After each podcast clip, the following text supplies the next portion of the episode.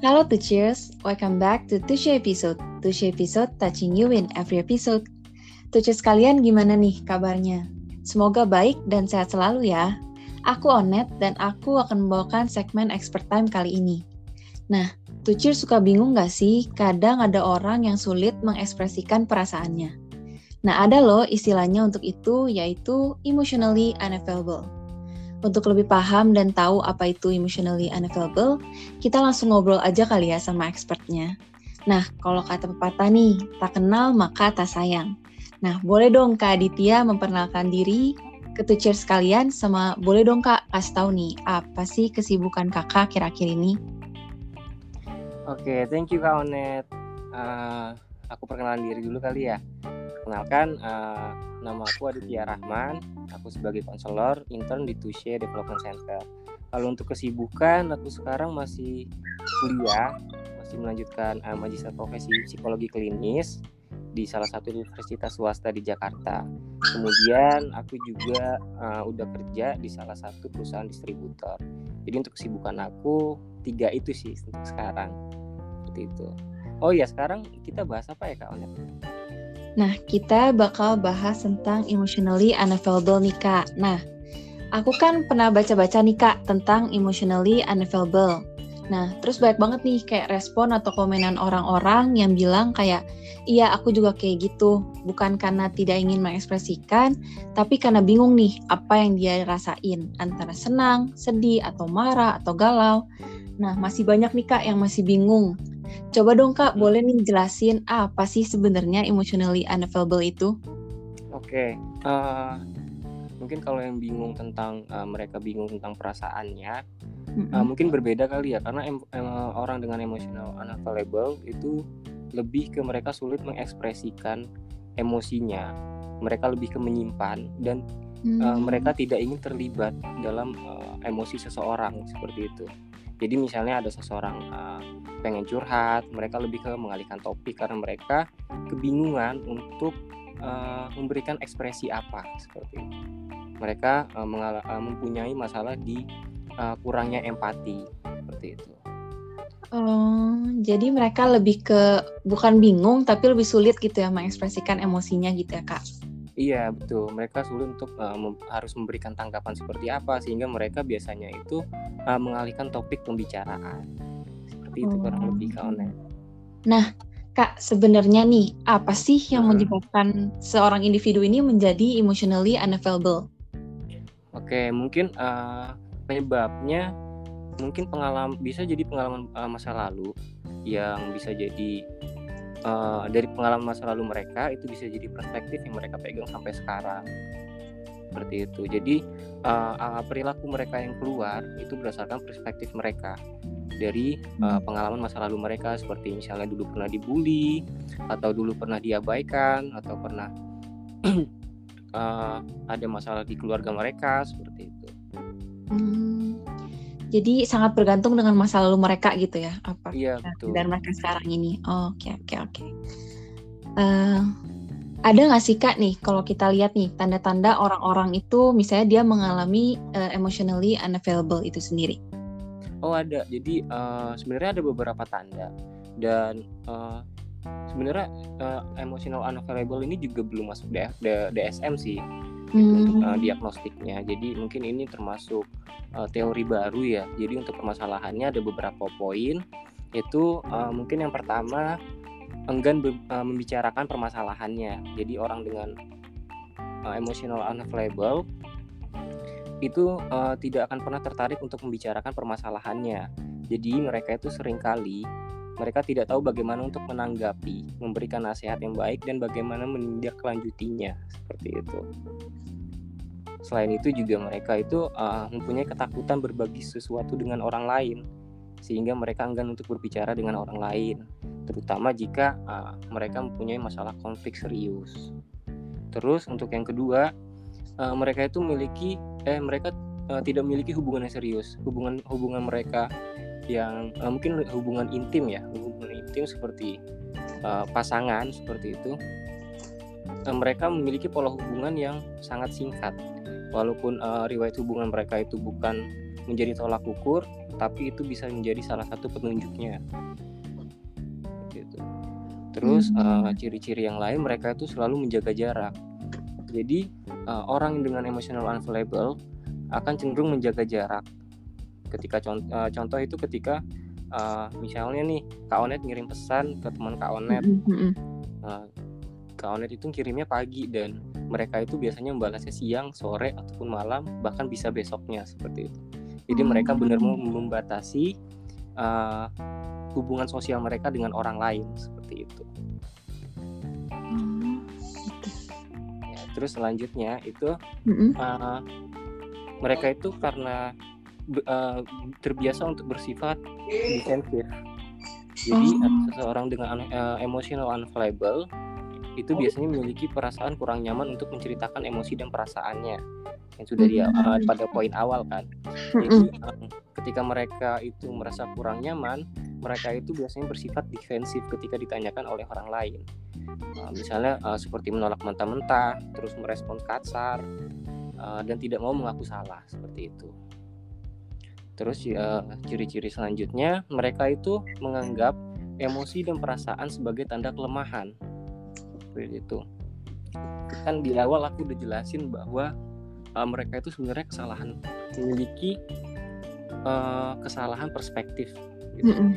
Nah di sini poinnya juga masuk karena mereka itu menganggap bahwa emosi dan perasaan merupakan tanda kelemahan.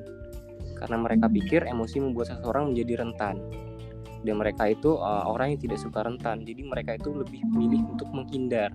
Polanya sama uh, di awal perspektif dan mereka menghindar menghindarnya dengan cara yang tadi mungkin bisa kasar seperti itu bisa memut uh, memutuskan suatu hubungan hmm. terus untuk selanjutnya mereka tidak memiliki rasa peduli dengan orang lain maupun dengan pasangan jadi kan dalam sebuah hubungan itu kan harus ada uh, saling memahami berbagi ya. gitu dan memiliki apa yang dibutuhkan satu sama lain tetapi bagi individu dengan emotional unavailable, mereka itu uh, susah untuk mengekspresikan ketika pasangannya menyatakan bahwa mereka uh, butuh ini, butuh itu dan curhat. Mereka itu lebih milih untuk menghindar dan menyalahkan. Defensifnya seperti itu. Mm. Kayak gitu. Jadi uh, jadi terkesan mereka itu kurang memiliki empati. Mm. Terus uh, untuk yang terakhir mungkin di masalah pekerjaan kali ya. Mm -hmm biasanya orang dengan emotional available itu uh, mereka itu hidupnya terstruktur. Oh. dan terkontrol. Karena mereka itu uh, harus menjadi pribadi yang praktis. Jadi mereka mungkin menunjukkan uh, ketakutan dan hindari ketika harus melakukan sesuatu. Jadi tugas itu ya udah langsung dikerjain gitu. Dibanding mereka harus uh, menunda pekerjaan dan berakibat fatal. Mm -hmm.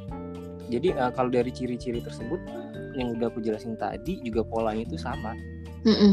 awalnya di perspektif uh, bagaimana mereka defensifnya yaitu uh, seperti mungkin yang di pekerjaan bagus ada positifnya mereka mengerjakan mm. uh, pekerjaan itu dengan cepat Cuma uh, di sisi lain misalnya di pertemanan atau di hubungan uh, intim dengan pasangan uh, penolakan mungkin penol masalah di penolakan kali ya mm -mm. mereka lebih menghindari itu hubungan sosial dan seperti uh, menolak menolak mentah-mentah atau memutuskan hubungan tadi yang aku ceritain seperti itu hmm. kak Onet jadi kalau aku nanggapnya tuh berarti karena hmm. perspektif dia salah tentang hmm. emosi dan perasaan dia terus jadinya dia tuh menghindar gitu ya kak jadi lebih milih untuk menghindar dari segala hal gitu ya iya betul dan itu perspektif itu kan uh, seorang memiliki perspektif itu kan biasanya tumbuhnya itu dari emang dari dia kecil gitu dan kita nggak tahu masa lalu mereka itu gimana gitu. sehingga mereka memiliki perspektif seperti itu yang dipegang sampai sekarang. Dan perspektif itu susah nggak sih kak buat diubahnya sebenarnya? Uh, sebenarnya enggak perspektif itu enggak enggak mm. enggak susah dirubah.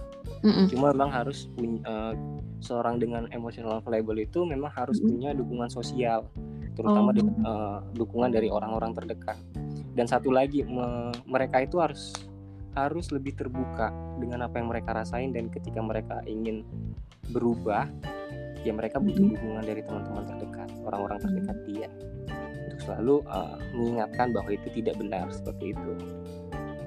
Jadi dukungan juga penting ya, dukungan orang-orang hmm. di sekitar kita. Gitu. Iya betul, dukungan orang terdekat. Uh, misalnya uh, sederhananya deh, misalnya mm-hmm. uh, Kak Onet punya temen yang kayak gitu, mungkin mm-hmm. Kak Onet bisa uh, dan teman Kak Onet itu pengen merubah dirinya ya. Mm-hmm. Dia sadar dia salah dan dia pengen berubah, cuma dia sudah terbiasa dari dulu sampai sekarang dia memiliki perspektif uh, perilaku yang seperti itu mungkin Kak Onet bisa menjelaskan bahwa uh, nggak kayak gitu loh kita kan makhluk sosial gitu mm -hmm. semuanya bisa dipendam sendiri mungkin bisa uh, simple sih sebenarnya seperti kata-kata seperti itu aja gitu Oke, okay. nah kak nih aku punya pertanyaan nih untuk kakak sendiri nih pernah nggak sih kak kayak kakak menghadapi orang yang mengalami emotionally unavailable itu? Hmm, kalau aku sendiri belum pernah deh kayaknya. Cuma aku hmm. pernah di tahap uh, aku hampir kayak gitu. Oh. Uh, aku memiliki kesalahan perspektif. Ya, memiliki kesalahan perspektif uh, sama teman-teman gitu. Hmm. Jadi uh, dulu kan aku sempat operasi, mungkin aku bisa cerita ya. Dulu aku boleh kak, boleh. Dan sebenarnya itu teman-teman dekat, cuma hmm. mereka uh, udah lama banget sih itu udah? Ya? Hampir 10 tahun yang lalu mm-hmm. dan mereka itu uh, nggak datang gitu loh padahal itu aku ngerasa mm-hmm. itu teman dekat mm-hmm. itu uh, aku merubah perspektif bahwa oh ya di dunia ini ya gue hidup sendiri gitu teman-teman ya udah cuma untuk hanya teman aja gitu. Dan itu merubah di situ aku lebih uh, introvert lebih membatasi mm-hmm. hubungan seperti kalau nongkrong aku nggak ikut gitu nggak balas chat ya udah sih sama dunia aku sendiri aja mm-hmm. gitu. kalau dulu oh. hampir sempat kayak gitu cuma uh, berubah lagi sih karena aku Masih. aku ngerasa kalau itu salah. Hmm. Oke, nah nih kak nih kayaknya orang pada uh, orang-orang pada penasaran nih kayak gimana sih cara kita menghadapi orang yang emotionally unavailable ini nih? Uh, untuk menghadapinya mungkin eh, nggak uh, bisa kita langsung ikut campur ya karena kan mereka selalu membatasi apa yang mereka apa yang mereka rasakan seperti itu. Dan mereka juga menghindari jadi kita nggak bisa terlalu ikut campur kecuali mereka uh, yang membuka omongan duluan situ. Dan ketika mereka itu membuka omongan duluan di situ kita nggak boleh ngejat menyalahkan. Tapi uh, tapi meng, uh, seperti kayak memberi uh, knowledge atau pengetahuan bahwa itu tuh nggak bisa nggak benar gitu. Perilaku itu tuh nggak benar perspektif lu itu nggak benar perspektif lu itu salah gitu. Mungkin bisa kayak gitu. Dan uh, tidak untuk menghakimi ya lebih ke mm -hmm. meluruskan. Oke, jadi yang kita bisa yang kita lakuin tuh itu ya. Apa sih namanya? Uh, jangan ngejudge mereka sama uh, kita selalu dukung mereka. Iya betul dan memberi dukungan selalu seperti mm -hmm. itu. Karena dukungan itu penting buat mereka gitu ya kak?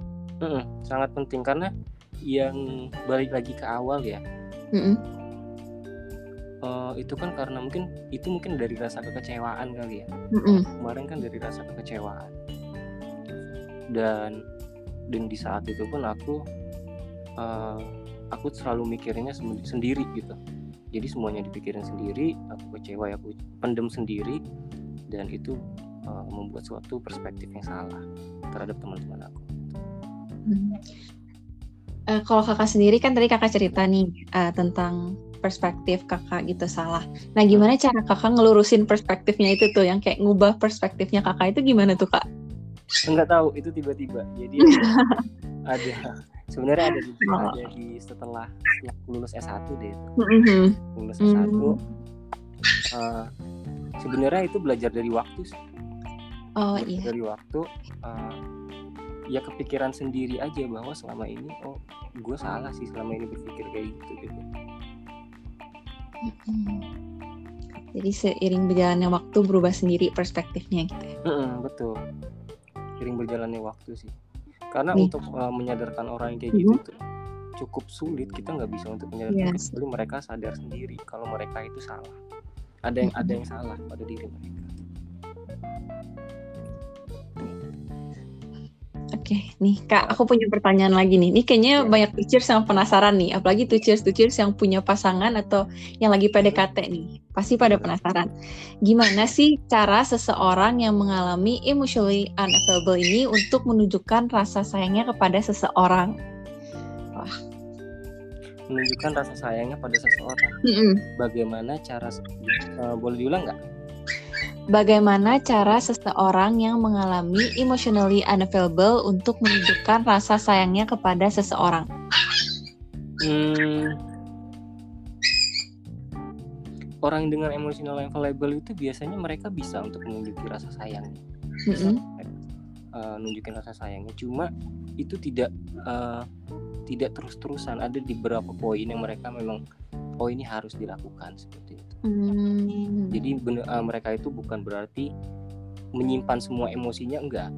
Mm-mm. Jadi ada poin misalnya di masalah konflik seperti itu, masalah pribadinya sendiri itu mereka itu membatasi itu. Cuma kalau untuk perasaan itu kayaknya enggak. Ada di beberapa poin mereka bisa menunjukkan rasa kasih sayang mereka ada.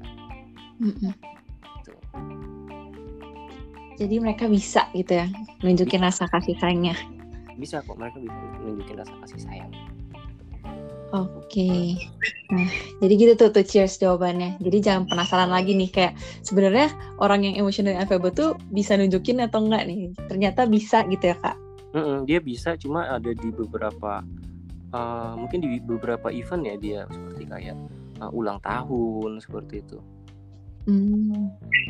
dan itu pun eh, mereka menganggap mereka harus melakukannya itu karena itu merupakan sebuah tugas padahal itu bukan tugas Gitu. mereka merasa hubungan dalam hubungan itu kan Mm-mm. eh, ketika misalnya kan dalam hubungan kan saling berbagi gitu kan Mm-mm. saling mengasihi dan mereka menganggap itu tuh sebuah PR jadi mereka bisa menunjukkan itu cuma Ah, perspektifnya yang salah yang aku bilang tadi bahwa mere- mereka menganggap itu adalah PR dalam dalam menjalin hubungan